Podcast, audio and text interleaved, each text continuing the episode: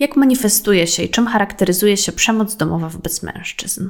Kto najczęściej jest sprawcą takiej przemocy? Dlaczego mężczyźni doświadczający przemocy domowej często nie szukają pomocy, a jakiej szukają? Co czeka ich w gabinecie?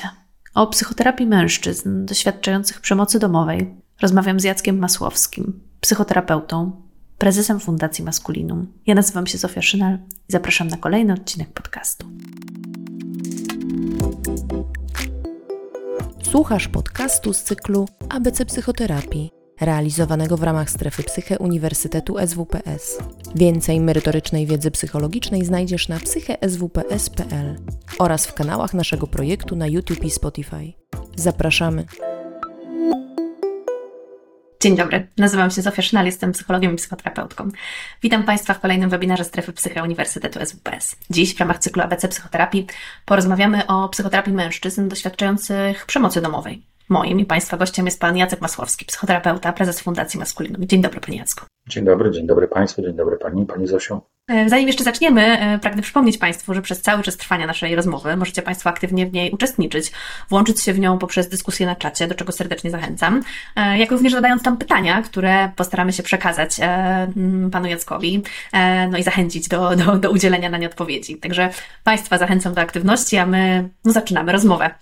Chciałabym zacząć od tego, czym jest właściwie taka przemoc domowa wobec mężczyzn, jak się manifestuje, czym się charakteryzuje. Mm, prawie tym samym, czym przemoc domowa wobec kobiet. A jednak wyróżniamy. No tak, wyróżniamy, bo adresatami są mężczyźni. Dlatego. Natomiast jeżeli chodzi o zachowania, to one są bardzo podobne do tych, które w ogóle definiują, definiuje przemoc w, swoim, mm, w swojej gamie, czyli zarówno jest to przemoc psychiczna, fizyczna, ekonomiczna, nawet seksualna, o czym wiele osób jakby intuicyjnie nie myśli. Więc y, tym się manifestuje, aczkolwiek różni się zasadniczo pewnym poziomem wrażliwości mężczyzn na tą przemoc, ale też świadomości tego, czym zachowania przemocowe faktycznie są, a, a czym nie są. Innymi słowy, mężczyźni mają taką tendencję do bagatelizowania w większym stopniu różnych zachowań przemocowych, które to bagatelizowanie oczywiście z czegoś wynika, o czym chętnie też opowiem. Czyli powiedzielibyśmy, że ta przemoc domowa wobec mężczyzn jest po prostu przemocą, której doświadczają ze strony swoich partnerek.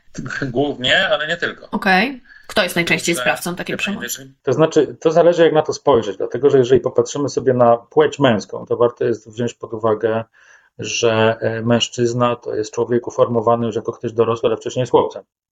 I w związku z tym jako chłopiec też doświadcza przemocy i to się wtedy trochę różni od tego, jak wygląda ta przemoc w życiu dorosłym mężczyzny, w sensie takim, jakie źródło. No bo na przykład, jeżeli chodzi o źródło doświadczenia przemocy przez chłopca, no to są to rodzice i rodzeństwo. Natomiast jeżeli jest to myślenie o dorosłym mężczyźnie, no to jest to zwykle partnerka, rzeczywiście, rzadziej dzieci, ale również i to coraz częściej. Czyli y, to coraz częściej też dzieci stosują przemoc wobec swoich rodziców.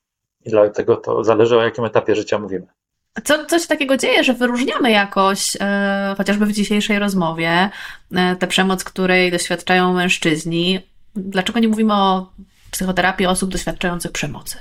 tylko mówimy o psychoterapii mężczyzn doświadczających przemocy. No, to, to jest dobre pytanie i właściwie chyba do Pań, dlaczego zorganizowałyście akurat taki tytuł, natomiast ja chyba mam intuicyjną odpowiedź na to pytanie, a ono koreluje z takim zdaniem, które usłyszałem wiele lat temu, kiedy jeszcze przygotowywałem się do pracy w zawodzie psychoterapeuty. Zdanie to brzmiało, że psychoterapia nie jest dla mężczyzn. I ono było tłumaczone tym, że no po prostu mężczyźni na terapię nie przychodzą. Po kilkunastu latach mojej pracy zawodowej wiem, że przychodzą i to coraz liczniej, E, w dalszym ciągu nie widzę tutaj parytetu e, takiego, że jest to 50 na 50, ale naprawdę coraz śmielej ci mężczyźni do tych gabinetów pukają. I mam wrażenie, że to, że dzisiaj rozmawiamy o przemocy wobec mężczyzn jest właśnie trochę takim e, podobnym tematem, dlatego że istnieje taki mit, że przemoc jest stosowana przez mężczyzn wobec innych, a mężczyźni właściwie nie są ofiarami przemocy. I chyba rozmawiamy o tym też po to, żeby po pierwsze ten stereotyp jakoś zneutralizować, a z drugiej strony, żeby też uwrażliwić, uświadomić zarówno mężczyzn, ofiary tej przemocy, jak i też osoby, które naprawdę całkiem nieświadomie mogą ową przemoc wobec mężczyzn stosować. Bo jakby poziom edukacji na temat przemocy, mam wrażenie, jest no, mikry. I my przemoc głównie, zresztą ciekawe badania na ten temat są, że jest y, bardzo silnie ostereotypizowane myślenie o przemocy. Udało mi się to trudne słowo wypowiedzieć bez zająknięcia Czyli na zasadzie takiej, że przemoc to jest wtedy, kiedy dopiero są siniaki, że yy, i tak dalej, i tak dalej. Nie będę teraz pamięci tego cytował, ale jest dużo takich stereotypów, które ludziom bardzo utrudniają identyfikowanie zachowań przemocowych. Także mam wrażenie, że to dlatego dzisiaj rozmawiamy o tym. No i idąc jakoś tym tropem, jeśli przemoc to siniaki, to rzeczywiście no, pewnie mężczyźni rzadziej, chociaż to też nie, nie, nie, jest wykluczone z racji tego, że są postrzegani jako, no nie wiem, bardziej silnych fizycznie, większych od kobiet. E, być może ta przemoc wobec mężczyzn może wyglądać trochę inaczej. Czy może Pan opowiedzieć trochę o tym, e, jakiej przemocy, jak to wygląda, jakie historie stoją za tymi przemocowymi u mężczyzn? To znaczy, ja bym powiedział, że nie wygląda inaczej, e, dlatego że zarówno z opowieści gabinetowych, jak i też e, statystyk, które mam przed nosem, właściwie one są bliźniacze, te formy przemocy. I wbrew pozorom wcale też nie jest tak, że jest to taka dysproporcja. Jak na przykład czytamy, nie wiem, w raportach z niebieskiej karty, że tam ponad 80% ofiar to kobiety. Ja może pokażę tutaj taki, myślałem, że uda mi się udostępnić, ale na telefonie mam to przygotowane. Pracownia Kantar przygotowała bardzo ciekawy raport na temat przemocy generalnie e, domowej. I tutaj zadano takie pytanie, które jest, e, na które warto zwrócić uwagę. Mianowicie pytanie brzmi: wobec kogo tak pan, pani postąpiła? Czyli jak jest zdefiniowana przemoc, jest tutaj cztery, są tu zdefiniowane cztery formy przemocy: przemoc psychiczna, fizyczna, ekonomiczna i seksualna. No to pytano osoby, które są sprawcami niejako. Czyli mamy osoby, które są świadome tego, że jej zachowanie jest przemocowe, a jednocześnie deklarują, że to zastosowały. Więc jest to naprawdę bardzo silne odwrócenie takiego pytania. Jeżeli popatrzymy na odpowiedzi, to ja spróbuję je pokazać, one wyglądają w taki oto sposób. I zauważymy, że jeżeli chodzi o przemoc fizyczną, to proszę zauważyć, że wobec yy, tutaj, o, tu mamy to bardzo wyraźnie, wobec yy, żony 23% osób zgłosiło y, takie postępowanie, a wobec męża 17%. A więc jest to, no, nie, nie powiem, że parytet, ale trochę około 60%. Proszę zauważyć, że przemoc, y, ja teraz to niestety na odwrót widzę, przemoc y, przemoc fizyczna to jest 11 i 19, czyli można powiedzieć, że pół na pół, czyli obie płcie równolegle się tutaj okładają. Przemoc ekonomiczna, co ciekawe, Według tego, co tutaj mamy napisane, to kobiety częściej deklarują stosowanie jej wobec męża. Jest to 18, że tak powiem, takich deklaracji, versus 17 w drugą stronę. I przemoc seksualna to rzeczywiście 35% wobec żony, 10 wobec męża, ale też te 10 jest też to właśnie, czyli też mamy przemoc seksualną wobec mężczyzn, gdzie, jak powiedziałem, to sprawca się przyznaje, że to robi. Natomiast jest jeszcze jedna rubryka, syn i córka. Proszę zauważyć, jak wielka dysproporcja pojawia się w deklaracjach stosowania przemocy wobec synów i deklaracji stosowania przemocy wobec córek, poza przemocą seksualną, która tylko wobec córek jest zdeklarowana. A więc proszę zobaczyć, że trochę od pytania, jakie zadamy, uzyskujemy określoną statystykę, więc statystyki zgłoszeń niekoniecznie rzeczywiście pokrywają się ze stanem faktycznym, ponieważ bardzo wiele mm, przemocy stosowanej wobec mężczyzn przez mężczyzn jest kompletnie niezgłaszana. Z dwóch powodów. Po pierwsze, nie jest identyfikowana przez nich jako przemoc, czyli na przykład dostanie w twarz, no, tak powiem, bach. To nie jest przemoc, więc nie ma co, no, nie pójdę z tym przecież do, na policję, się z tym nie zgłoszę. A z drugiej strony y, ten mit, y, który bardzo wielu mężczyzn no, ma wdrukowanych chyba przez przekazy transgeneracyjne, nie wiem jak to nawet inaczej wytłumaczyć, że chłopaki nie płaczą, no on jest nieprawdopodobną blokadą do tego, żeby się przyznać do tego, że ja jestem ofiarą mężczyzna ofiara to nie jest mężczyzna po prostu. I tu jest y, bardzo duży problem, jeżeli chodzi o identyfikowanie rzeczywistej sytuacji przemocy wobec mężczyzn. No i wyobrażam sobie, że w konsekwencji też być może zgłaszania się po pomoc, uznawania tak, jakoś swojego cierpienia, że być może wynikający jakiś z tych stereotypów wstyd czy, czy, czy inne trudne emocje jakoś mogą to utrudniać. Zdecydowanie tak jest. Y, w bardzo wielu źródłach czytamy o tym, że Współczesny mężczyzna jest zajęty głównie dwiema rzeczami. Pierwsza z nich to jest udawanie, a druga to jest tkwienie w samotności. A druga to co? Przepraszam, nie usłyszałam. Tkwienie w samotności, w osamotnieniu. Tak. To są główne zajęcia współczesnych mężczyzn. To nie brzmi najlepiej. Nie, nie brzmi, ale pracujemy nad tym. Widać to wyraźnie właśnie po tej tendencji wzrostowej um, uczestniczenia mężczyzn w różnego rodzaju formach pomocowych. To prawda, też mam takie doświadczenie, że coraz więcej mężczyzn korzysta z pomocy psychologicznej, z psychoterapii. Tak, wie Pani, generalnie to, że my o tym rozmawiamy, to jest też chyba bardzo ważne z tego tytułu, że powoli zaczynamy ściągać z głów y, chyba w ogóle społeczeństwa, nie tylko oczywiście mężczyzn, ale przede wszystkim ważne, żeby tam dotrzeć, różnego rodzaju takie stereotypy, które bardzo hamują. Jeszcze całkiem niedawno o depresji męskiej nie było mowy, a nawet było twierdzenie, że mężczyźni na depresję nie chorują. Dopiero kiedy zaczęto się temu przyglądać trochę bliżej, okazało się, tak jak chyba z przemocą właśnie, to też no, depresja była kojarzona i to masę różnego rodzaju autorytetów się wypowiadało z domeną kobiet, to one w większości w ogóle zapadały. Mm, a potem się okazało, że nie, że to jest, to tu mamy parytet, że mężczyźni i kobiety, że tak powiem, równo odczuwają taki stan, aczkolwiek sam przebieg i przyczyny depresji kobiecej i męskiej no też mają swoje wyróżniki. Więc fajnie, że o tym mówimy. W międzyczasie pojawiło się takie pytanie, myślę, że jeszcze zanim przejdziemy dalej do terapii, to, to, to przy tych formach przemocy, o których mowa, e, jesteśmy. No, jakoś tak rozumiem, że być może też w związku właśnie z tymi stereotypami, mm, to chociaż teoretycznie wszyscy wiemy, czym jest przemoc, tak próbujemy sobie odwrócić tę sytuację i wyobrazić sobie, że to mężczyzna jej doświadcza, e, to, to mamy mniej takich reprezentatywnych w głowie sytuacji. Rzadziej to widzimy, rzadziej sobie to wyobrażamy. E, I, i pojawiło się takie pytanie, czy formą przemocy wobec mężczyzny może być brak bliskości fizycznej, jak rozumiem, ze strony partnerki? Przytulenia przytuleń, pocałunków, y, kontaktów seks, seksualnych. Tak. Oczywiście, że może być. Proszę wziąć pod uwagę, że dla bardzo wielu mężczyzn obszar życia seksualnego jest niezwykle istotny. Z bardzo różnych powodów moglibyśmy pewnie o tym osobny webinar zrobić. W związku z tym bardzo wielu mężczyzn wchodzi w relacje z kobietami, wierząc w to, że ten obszar ich potrzeb będzie zaspokajany.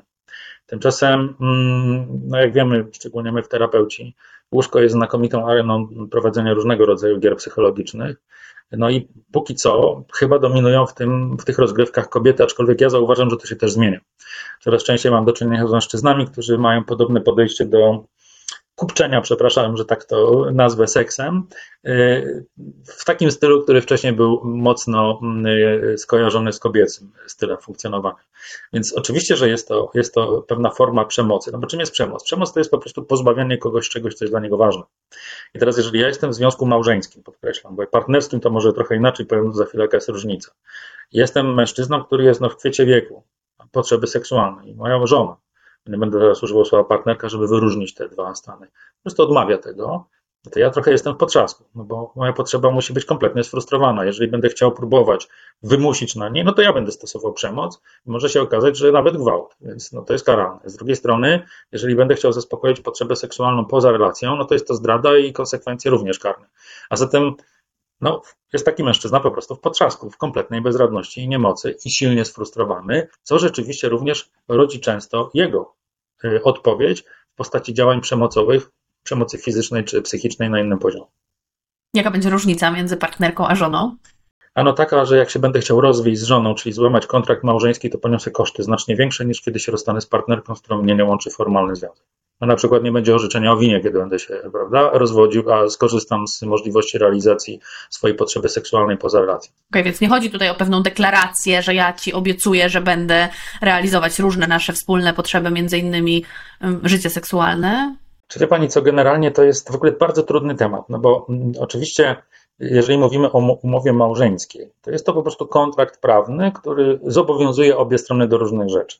Ale tak patrząc zupełnie po ludzku, no to trudno sobie wyobrazić bez względu na płeć, czy mówimy o żonie, czy o mężu, że jeżeli jakaś y, nastąpi zmiana w relacji, zmiana w tej drugiej osobie, która no, najzwyczajniej w świecie utrudnia pałanie chęcią y, bycia blisko seksualnie, no to trudno też myśleć o, w kategoriach takich, żeby się zmuszać do tego, no bo to, to jest przemoc wobec samego siebie z kolei. Więc wydaje się, że ten problem jest jakby y, jest trudny do rozwiązania jest trudny do rozwiązania, ponieważ i ten kontrakt, i różnego rodzaju reguły społeczne to rozwiązanie znają od wieków. I rozwiązaniem są ciche zdrady po prostu, za przyzwoleniem. Ja myślę jeszcze jakoś o masturbacji, o zaspokajaniu swoich nie, potrzeb. Masturbacja nie zastąpi bliskości fizycznej z drugą osobą, to jest niemożliwe. Ale bliskość fizyczna to nie tylko aktywność seksualna. Tak, ale aktywność seksualna jest niestety ważną częścią bliskości fizycznej i redukcja napięcia seksualnego to nie jest tylko to, co się dzieje, przynajmniej z perspektywy mężczyzny, w akcie seksualnym. Tego masturbacja, no wie pani, nie może być y, traktowana na równi z bliskim aktem seksualnym z drugą osobą. No, podobnie jak seks e, gdzieś przygodny, nie? Też nie zaspokoi tej bliskości. To zależy, wie pani.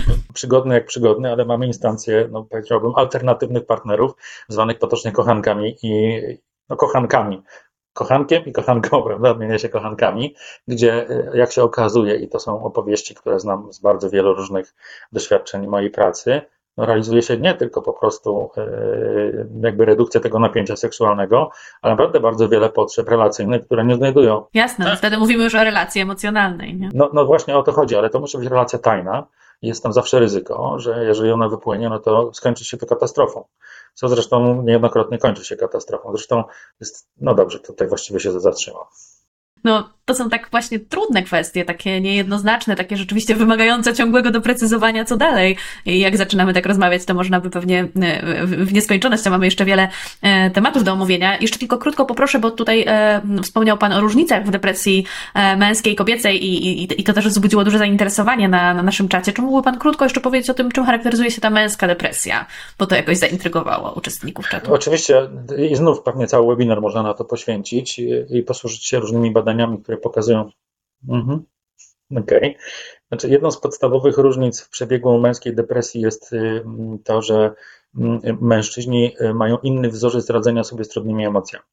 Po pierwsze, y, mężczyźni raczej funkcjonują w trybie zadaniowym, czyli muszę sobie, muszę sobie z tym poradzić, a zatem nie sięgają najczęściej po pomoc. Jak mówię, to się zmienia, ale jest taki, nazwijmy to, mechanizm wdrukowany w mężczyzn, że oni raczej muszą być sprawczy i samemu sobie radzić. Dlatego bardzo wielu mężczyzn, nawet jeżeli przejawia coś, co można by nazwać depresją, czy, może, czy się diagnozuje jako depresja, ale oni tego tak nie, nie postrzegają, nie wiedzą, no bo nie mają tej diagnozy, próbują poradzić sobie w bardzo różny sposób yy, z, z tymi objawami, wypierając najczęściej yy, te objawy czy swój stan psychiczny i yy, wtedy mamy do czynienia na przykład z takimi zachowaniami, które no, wiążą się na przykład z nadmiernym stosowaniem różnych substancji psychoaktywnych, takich jak alkohol, narkotyki, czy ryzykowne zachowania, które nie mają charakteru wyłącznie seksualnego, ale takie odreagowania jak tingouty. I to jakby to jest pierwsza rzecz. Na druga, najważniejsza chyba różnica, no to jest ostateczne rozwiązanie. 85% samobójstw to są, to są samobójstwa popełniane przez mężczyzn. Jak pokazują badania, kobieta, która identyfikuje u siebie mm, nazwijmy to spadek nastroju, może najpierw, bo niekoniecznie każdy spadek nastroju to depresja przecież, to z racji tego, że kobiety mają na ogół znacznie bardziej rozwiniętą sieć relacji interpersonalnych, ona te swoje emocje jakby obsługuje w relacjach, które ma. Natomiast mężczyźni, no, siłą rzeczy są tak wychowywani i tak funkcjonują, że te relacje, o ile w ogóle są, są bardzo powierzchowne, no i znowu mamy chłopaki, i znowu, no mamy chłopaki nie płaczą, więc no, wie pani, no, nie będę tu cytował, jakie są reakcje y, kolegów, którzy się dowiadują, że sobie z czymś nie radzę, ale one są raczej z kategorii, no, takiej, powiedziałbym, grubiańskiej brawury, a nie rzeczywistego wsparcia. Ja myślę, że możemy sobie darować te cytaty, ale zachęcam Państwa do tego, żebyście sięgnęli do swoich wspomnień, albo do swoich historii, albo do swoich wyobrażeń na temat tego, jak to może brzmieć, bo to jest chyba mocne i ważne, żeby też zdawać sobie z tego sprawę, jak trudno jest mężczyznom e, rozmawiać o emocjach i o nich mówić. Jeśli takie reakcje są ze strony mężczyzn, no to czasem też trudno jest porozmawiać z, z kobietą, bo rozumiem, że no, mm, również przed kobietą mogą się ujawniać takie e, obawy o to, jak, jak to zostanie odebrane. Znaczy, to jest rzeczywiście na dwoje babka wróżyła, bo też jak pokazują doświadczenia, Mężczyźni są zachęcani bardzo często przez kobiety do dzielenia się swoimi emocjami. Kłopot jest taki, że kobiety, podobnie jak mężczyźni, też na ogół nie wychowywali się w relacjach z mężczyznami. A zatem to jest trochę takie marzenie, które jak się zaczyna spełniać, to może przestraszyć tą kobietę i się okazuje, że ona ok, chciała tych emocji, ale teraz nie wie, co z nimi zrobić. No i to, y, to jest dosłownie 50 na 50 prawdopodobieństwo, że albo, y, albo rzeczywiście da wsparcie, albo taki mężczyzna, i takich opowieści znam bardzo dużo, nagle słyszy, ojej, ojej, co teraz ze mną będzie i zamiast dostawać wsparcie, to musi wejść w rolę wspierania tej kobiety, która została beneficjentką moich trudnych emocji. Więc no, po prostu się bardzo często nie opłaca. Czy jeszcze jest jakiś inny sposób, w jaki mężczyźni radzą sobie właśnie ze szkodliwymi mm, emocjami, znaczy z trudnymi emocjami i szkodliwymi przekonaniami, które wynikają właśnie z są generalnie zachowania ucieczkowe. Takim, no, ja prowadzę warsztaty dla mężczyzn pod tytułem Emocje Nomen Nomen w ramach naszej fundacji. I to jest tak, że to, co mogę absolutnie powiedzieć na podstawie tych warsztatów, to trzy rzeczy. Po pierwsze, mężczyźni żyją na zewnątrz siebie, więc są zainteresowani tym, co się dzieje wokół, a nie tym, co się dzieje we mnie. Dlaczego? Dlatego, że ja nie rozumiem tego, co się dzieje we mnie jako mężczyzna. Nawet jeżeli coś czuję, to nie wiem, jak to się nazywa, a często nawet nie czuję. I tutaj dam taki przykład jednego z uczestników takich warsztatów, kiedy robiliśmy rundkę otwarcia, zadałem mu pytanie, w ogóle pytanie wszystkim, jaka jest intencja Twojego uczestniczenia w tym warsztacie. No jeden z uczestników opowiedział krótką historię, że wraz ze swoją żoną któregoś wieczoru siedzieli na sofie, rozmawiali o ich y, rodzinie, dwójka nastoletnich dzieci, no to jest czas, kiedy w rodzinie jest dużo emocji. Więc rozmawiają, rozmawiają i ta żona pyta tego męża, słuchaj, a powiedz, no co ty czujesz? A on robi coś takiego i mówi nic. Tak. I dwa dni później na lodówce się pojawiła e, wydrukowana rozeta emocji i to go zainspirowało, że kurczę, on chyba ma jakiś kawałek świata, którego on nie obsługuje. Więc y, nie, nie, nie, no co czujesz, to y, znaczy on słowo zna emocje, ale ja mam bardzo dużo doświadczeń w pracy w gabinecie, że mężczyźni mają wrażenia w ciele, no bo wiemy, że to są właściwie emocje, to są wrażenia w ciele, tam się ich, y, tam, tam, tam ich doznajemy. Tak, i nagle okazuje się, że oni mówią, a, to, to ja nie wiedziałem, że to, co ja tutaj czuję, to jest na przykład, nie wiem, strach. To ja nie wiedziałem. To, to jest strach, tak? To, to jest strach? To takie pytanie, więc no można powiedzieć, że oni są bardzo słabo odzwierciedleni, prawda? To pewnie jest też yy, gdzieś na marginesie coś, czego może doświadczać każdy człowiek, nie tylko mężczyzna. Natomiast, że statystycznie rozumiem, że, że, że wśród mężczyzn szczególnie wiele osób e, w podobny sposób funkcjonuje. Nie są socjalizowani do tych rozmów, mniejszy mają wgląd, w związku z tym mniej rozumieją to, co się z nimi dzieje. Mhm. Mhm. Znaczy, jest taka jedna emocja, która jest bardzo silnie z męskością skorelowana, jest to złość. I właściwie to tyle. No właśnie. I, i, I być może też jest tak, to, to są jakieś takie, no moje chyba doświadczenia, że, że mężczyznom e, właśnie łatwiej jest jakoś okazywać złość i dopuszczać do siebie złość i często pod tą złością tak naprawdę kryją się inne emocje, lęk, smutek, takie, które uznają jakoś za słabość i których nie chcą. Ale z drugiej strony właśnie przez to, że ta emocja jest tak silnie z męskością skorelowana, no to ona nam, i tutaj trochę wracam do głównego punktu naszej rozmowy, pokazuje, że to mężczyzna może być odbierany jako ten przemocowy, bo on jest w złości. Tak, on się częściej złości. Mężczyzna się, on się złości, tak, bo to jest męskie. No oczywiście, przecież złość piękności szkodzi, więc dziewczynki się nie złoszczą. Poza tym dziewczynki też mają być grzeczne, więc nie mogą się złościć. A mężczyźni no, nie, nie, nie mieli płakać, prawda? No i tutaj mamy właśnie tą, tą korelację właśnie tych zachowań uznawanych za przemocowe i takim odbiorem, że to jest głównie domena mężczyzn. Wracając, Panie Jacku, jakoś do tej przemocy domowej wobec mężczyzn. Mm, jak to się dzieje, że ci mężczyźni jednak w końcu trafiają na terapię? Jakie to są historie? Pomimo tego wszystkiego, o czym sobie powiedzieliśmy, sam Pan mówi, że jest coraz więcej osób, które e, sięgają po tą pomoc. Mhm. To jest taka książka, którą polecam wszystkim tym, którzy jej jeszcze nie czytali. To jest książka, od której zacząłem swoją przygodę z męskością, chociaż to już jest dużo nowsze wydanie. Steve Bidalf, znakomity psychoterapeuta rodzinny, mieszkający na Tasmanii. On w tej książce w pewnym momencie zadaje takie pytanie mężczyźnie. Czy jesteś już wystarczająco zrozpaczony? I to jest właśnie ten moment, w którym mężczyzna przestaje mieć złudzenie, albo zaczyna robić wszystko, żeby to złudzenie odbudować. Są wtedy dwie drogi. Jedna droga to jest taka, że wchodzi w kolejną spiralę jeszcze bardziej, mm, powiedziałbym, przemocowych wobec siebie samego działań. Albo mówi, OK, chyba jest problem. Nie? Dzwoni do Houston i mówi, mamy problem, kiedy mogę się umówić na konsultację. I to jest właściwie ten moment, w którym mężczyzna przestaje mieć y, y, złudzenie, że on sobie sam poradzi. A ponieważ coraz więcej mężczyzn w otoczeniu mężczyzn jest albo w trakcie, albo jest beneficjentami procesów terapeutycznych, to ten temat przestaje być tematem tabu. Oni też widzą, że ci, którzy tam udali się na taki, w taką drogę, to ich życie na ogół rzeczywiście się zmieniło w tych aspektach, w których, y, w których można zaobserwować, bo też niekoniecznie zaraz wszyscy o tym rozmawiają. I, I coraz jest większe przyzwolenie wśród mężczyzn na to, żeby mężczyzna mógł się sobą zająć w takim obszarze. No i co?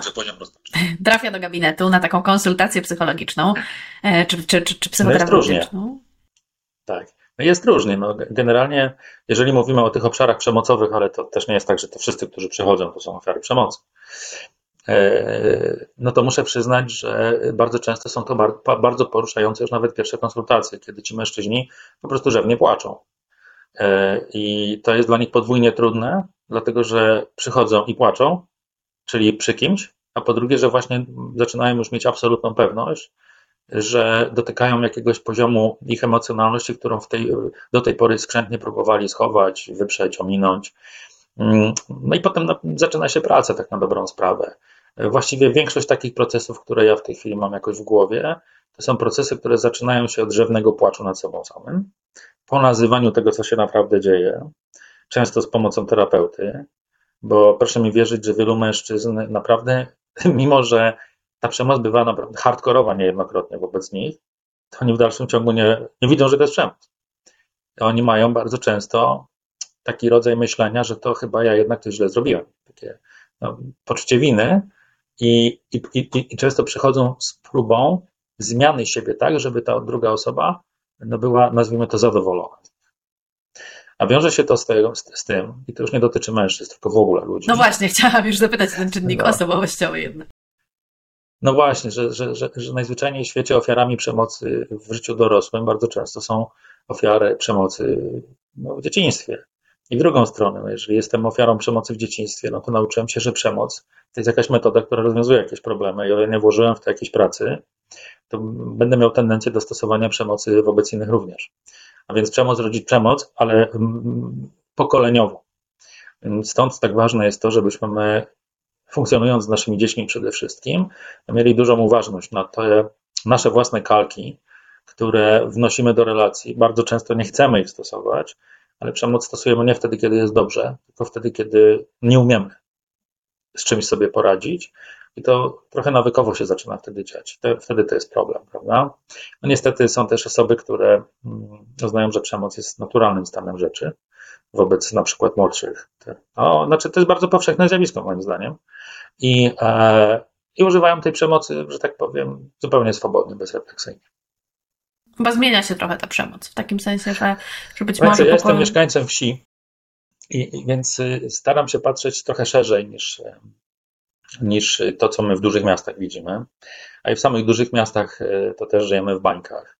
Dużo się mówi na ten temat, jest dużo narracji, no ale wydarzenia z ostatnich dni pokazują, że to nie do końca jest takie, takie oczywiste i tak powszechnie stosowane. I wie, wszyscy wiemy, o czym mówię w tej chwili. Są tacy mężczyźni, którzy zgłaszają się po pomoc, e, zdając sobie już sprawę z tego, że są ofiarami przemocy.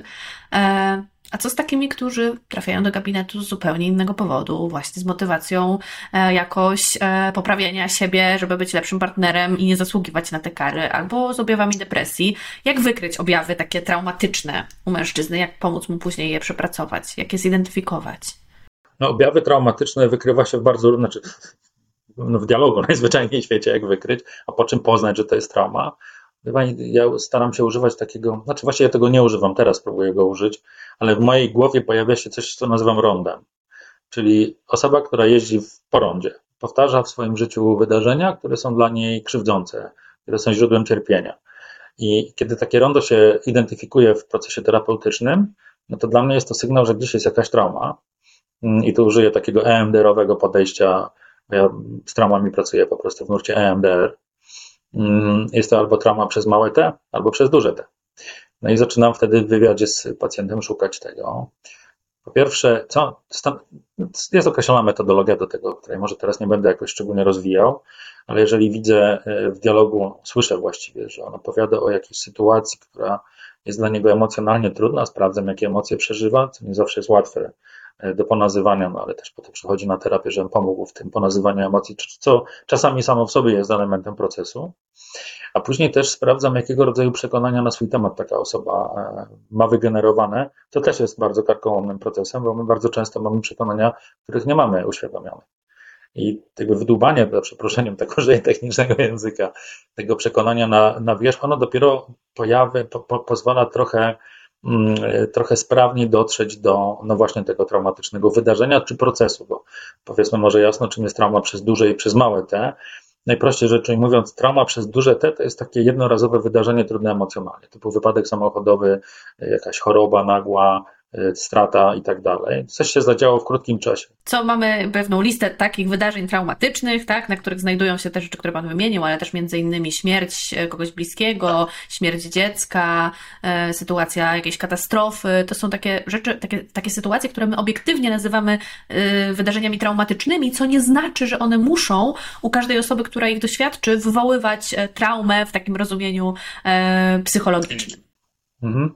Tak, i trauma przez małe T to najprościej rzecz ujmując taka trauma procesowa, kiedy przez jakiś okres czasu, zwykle dłuższy, wieloletni nawet, y, my jesteśmy poddawani wielu takim y, oddziaływaniom właśnie też trudnym emocjonalnie, jak na przykład y, stosowanie wobec nas przemocy przez rodziców. I to jest trauma przez małe T. Co nie znaczy, że mniejsza. Nie, nie, nie, w żaden sposób nie. Bo paradoksalnie ta przez małe często jest trudniejsza do leczenia niż ta przez duże.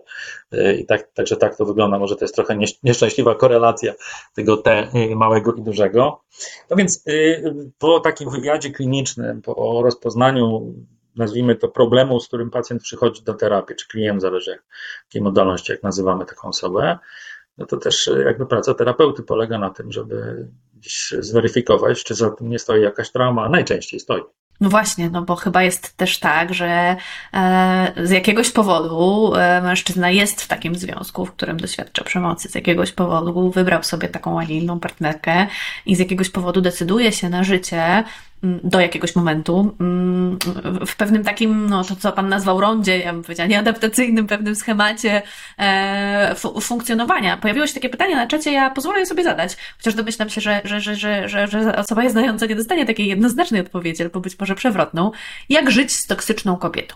E, ja nie znam odpowiedzi na to pytanie, bo pierwsza myśl to, co to znaczy toksyczna kobieta, czyli konkretnie w czym się ta toksyczność przejawia.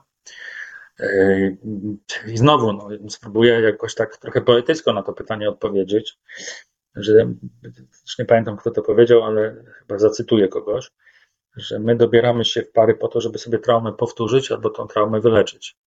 No więc jak żyć? No, zależy w jakiej sprawie my się połączyliśmy. Jak chcemy sobie powtórzyć traumę, no to aż do wystąpienia, tak, aż do, aż do kolejnej traumatyzacji, yy, częstokroć wielorazowej albo aż do momentu, w którym ta kobieta przestanie być toksyczna, bo ją wyleczymy. Aczkolwiek uczulam na syndrom ratownika, bo to raczej nie jest syndrom, który pomaga leczyć. Więc... Y, to może być pomocne dla tej kobiety, niekoniecznie pomocne dla, dla odbiorcy. Tak, no generalnie rola ratownika to jest taka rola przewrotna, zresztą jak wszystkie role z trójkąta dramatycznego, w które gdzieś tam próbujemy w relacjach się bawić. Więc y, nie potrafię na to pytanie jakoś konkretnie odpowiedzieć. To jest bardzo złożone pytanie wbrew pozorom. Znaczy, pytanie jest proste, ale pod nim jest wiele złożonych kwestii. Yy, no bo też jest pytanie, ale po co żyć z kobietą toksyczną, no nie? Po co to nie oznacza, że nie żyjcie, tylko odpowiedzcie sobie na pytanie, jakiego rodzaju korzyści, czy jaką funkcję w waszym życiu pełni, no właśnie funkcjonowanie w związku, w którym odbieracie, tu zacytuję kobietę jako toksyczną, czy w ogóle drugą osobę jako toksyczną, no bo żyjąc w tym związku, codziennie na, rano głosujecie na niego swoimi nogami czy wyborami. A więc pełni jakąś funkcję. Rozpoznanie tej funkcji może być przełomem, albo w zmianie stylu funkcjonowania w tej relacji, albo w ogóle w zmianie relacji. Jakie są skuteczne i specyficzne strategie terapeutyczne, e, takie stosowane wobec mężczyzn doświadczających przemocy domowej? To znaczy, ja już powiedziałam o tym, że ja akurat pracuję w obszarze, w, w tych narzędziach EMDR-owych. One są znakomite, moim zdaniem. Czy mógłby Pan chociaż dwa, trzy zdania powiedzieć o, o tych narzędziach, o tym EMDR-ze?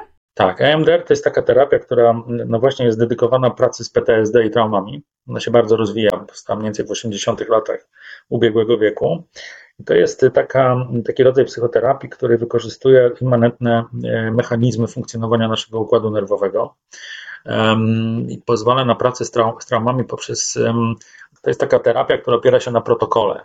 Ten protokół zawiera określone mm, metody pracy z pacjentem i niektóre elementy tego protokołu są wspierane tak zwaną bilateralną stymulacją pracy mózgu, BLS-em. Stąd EMDR, czyli Eye Movement Desensitization and Reprocessing. I jednym z elementów tego, tej terapii jest właśnie coś, co tam się nazywa desensitization, czyli odczulanie, ale to nie jest najlepsza nazwa, no, ale taka, no taka jest, więc jak ją tłumaczę.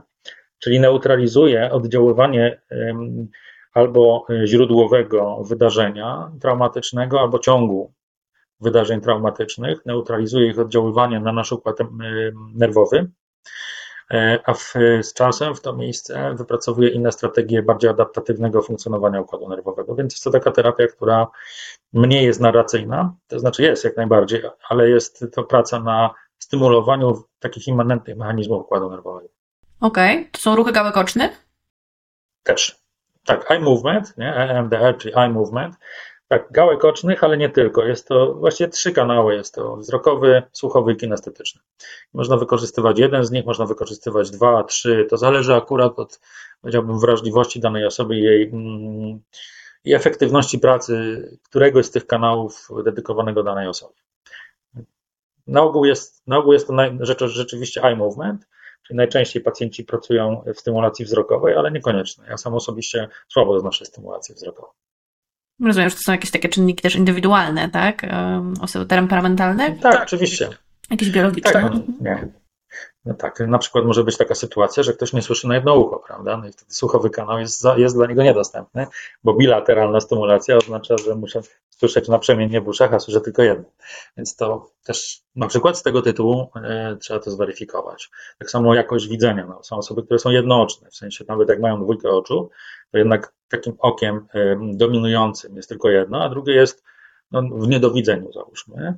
I może się okazać, że praca z taką osobą poprzez ten kanał jest dla niej bardzo męcząca. Po prostu jest nie tyle przeciwskuteczna, co jest słabo skuteczna. Może to, to tak się odbywa na poruszonym układzie nerwowym, to znaczy to się odbywa wtedy, kiedy e, pacjent jest w tych emocjach e, jakichś wynikających z traumatycznych doświadczeń?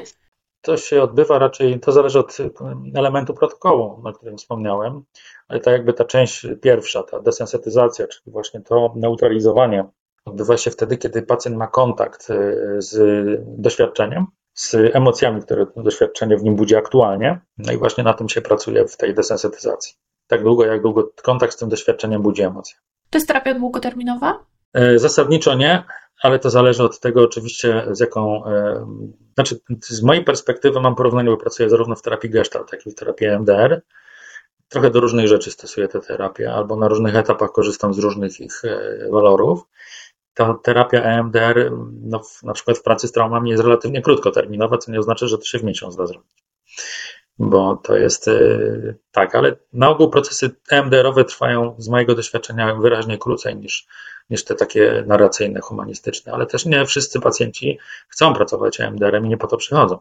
Yy, to po prostu przychodzą do kontaktu, no i wtedy terapia EMDR yy, oczywiście też może być stosowana, ale ja wtedy wolę pracować gestaltem zdecydowanie, siłą rzeczy jest bardziej na kontakcie oparte. Niecku, w jaki sposób e, przeciwdziałać tej przemocy domowej? Jak promować pozytywne wzorce e, zachowań wśród mężczyzn? Czy możemy chwilę o tym porozmawiać? Co możemy robić, żeby ta sytuacja się zmieniała na plus? E, no już robimy teraz, czyli edukujemy. To jest chyba jedyna rzecz, która w tej chwili jest możliwa do zrobienia. Im więcej będzie edukacji szeroko pojętej, bo słowo edukacja kojarzy się ze szkołą, ja mam na myśli jakąś szeroko pojętą publicystykę, która po prostu do mężczyzn trafia. Fajnie, że robimy podcast, a nie piszemy książkę, bo jak wiemy, mężczyźni potrafią czytać, ale średnio to lubią robić. Ale może stratę, stratę, za bardzo mają poczucie straty czasu czytając, więc przy okazji coś robiąc, prawda, wiadomo, mężczyźni żyją na zewnątrz siebie, w działaniu, no to przy okazji słuchają podcastów, na przykład jadąc samochodem będzie wielu mężczyzn słuchać tego nagrania, więc docieranie do mężczyzn, ale nie tylko do nich, z takim przekazem, kiedy my mówimy, czym jest przemoc, kiedy demitologizujemy to myślenie, że przemoc ma płeć i w ogóle tylko kobiety są ofiarami przemocy, a mężczyźni tylko sprawcami, to jest jedna strona medalu, czyli musimy mężczyznom i w ogóle ludziom mówić o tym, że przemoc nie ma płci, co pokazują te właśnie na przykład wyniki badań Kantaru akurat, ale też musimy uczyć szczególnie mężczyzn i to się dzieje niestety też w relatywnie wolnym tempie, ale, ale w geometrycznym postępie na szczęście, jak pracować z emocjami swoimi i że wkurzony mężczyzna to nie jest jedyny rodzaj mężczyzny, który jest akceptowany i jedynie męski, tylko docieranie do całego spektrum emocji, e, rozumienie tych emocji, i tutaj celowo mówię o rozumieniu, bo dla mężczyzn ważne, żeby oni rozumieli emocje, a nie tylko je czuli, ale też konstruktywna praca z ich emocjami wydaje się być niezwykle ważnym obszarem, któremu ja wieszczę no, dużą karierę.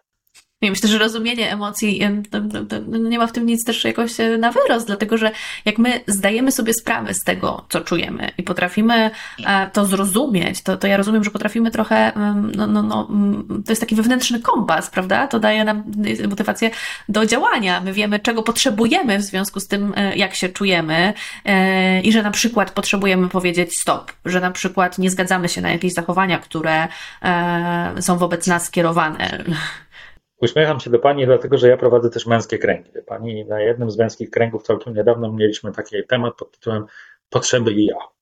Proszę mi wierzyć, że, że tak powiem, no jeszcze trudniejsze, tak, tak, bo na przykład wielu moich, a przecież te kręgi już trwają czwarty rok, więc to nie są mężczyźni, którzy przyszli tam wczoraj, ale mocno są ze sobą skontaktowani, no to moi koledzy niejednokrotnie pytają, zaraz, zaraz, chłopaki, a po czym wy wiecie, że wy tego potrzebujecie?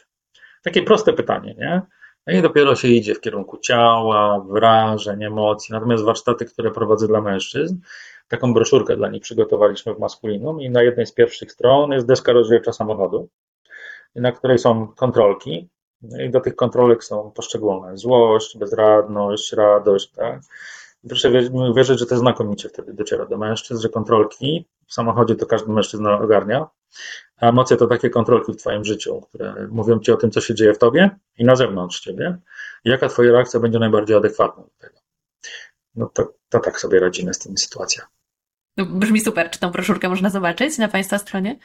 Nie, nie, ona jest częścią warsztatu i nie publikujemy jej tak ogólnie. Mhm. Panie Jacko, czy właśnie mógłby Pan powiedzieć jeszcze, gdzie osoby, które byłyby zainteresowane jakoś e, tym tematem, chciałyby coś więcej się dowiedzieć, czy zerknąć do tych badań, o których mhm. Pan wspomniał, pokazał Pan też jakąś książkę, wiem, że sam Pan też jest e, autorem e, książki w tym obszarze. Czy może Pan polecić nam na koniec jakąś literaturę? Oj, oczywiście, że mogę polecić. Tą już poleciłem. To znaczy, rozumiem, że literaturę dotyczącą w ogóle mężczyzn, a nie tylko przemocy.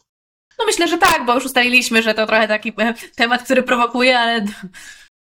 No męskość, ta, którą e, przedstawiłem, to jest takie abecadło moim zdaniem dla mężczyzn, więc gorąco polecam. Ja sam jestem autorem trzech książek, które też polecam. Co prawda dwie są dla mężczyzn, ale o kobietach. I mam wrażenie, że czasami jest, no, chyba przesadziliśmy pisząc z moją koleżanką tą książkę, bo chcieliśmy się zmierzyć ze stereotypami, a niektórzy zarzucają, że my je tam kultywujemy, e, ale chodziło nam o to, żeby mężczyzn, mężczyzn skonfrontować ze stereotypami na temat kobiet, dając im przestrzeń do podejmowania mm, jakby krytycznego myślenia w tej dziedzinie, więc e, dwie książki o mężczyznach. Wojtka i Helbergera jak najbardziej. No jest y, teraz książka, która jest przede mną, jeszcze nie zdążyłem jej przeczytać, ale moi koledzy znakomici już tak i mówią, że to jest coś naprawdę mocnego. Książka nazywa się W cieniu Saturna, ale autora nie pamiętam w tej chwili. No i dla bardzo wytrwałych, którzy chcą zgłębić tajniki męskości do cna, będzie już lektura na całe życie, ponieważ jest jak Biblia, można ją czytać, za każdym razem wyczyta się nowe treści, a książka ta nazywa się Żelazny Jan i napisał ją Robert Bly. Bardzo dziękujemy. Szanowni Państwo, bardzo y, dziękujemy za rozmowę. Y, panu Jackowi za odpowiedź na wszystkie pytania i Państwu za zaangażowanie, za aktywność. Zapraszamy serdecznie do lektur. No i zapraszam na kolejne webinary Strefy Psyche Uniwersytetu SWPS, na w międzyczasie do czytania, oglądania i słuchania naszych materiałów w sieci. Do zobaczenia. Do zobaczenia.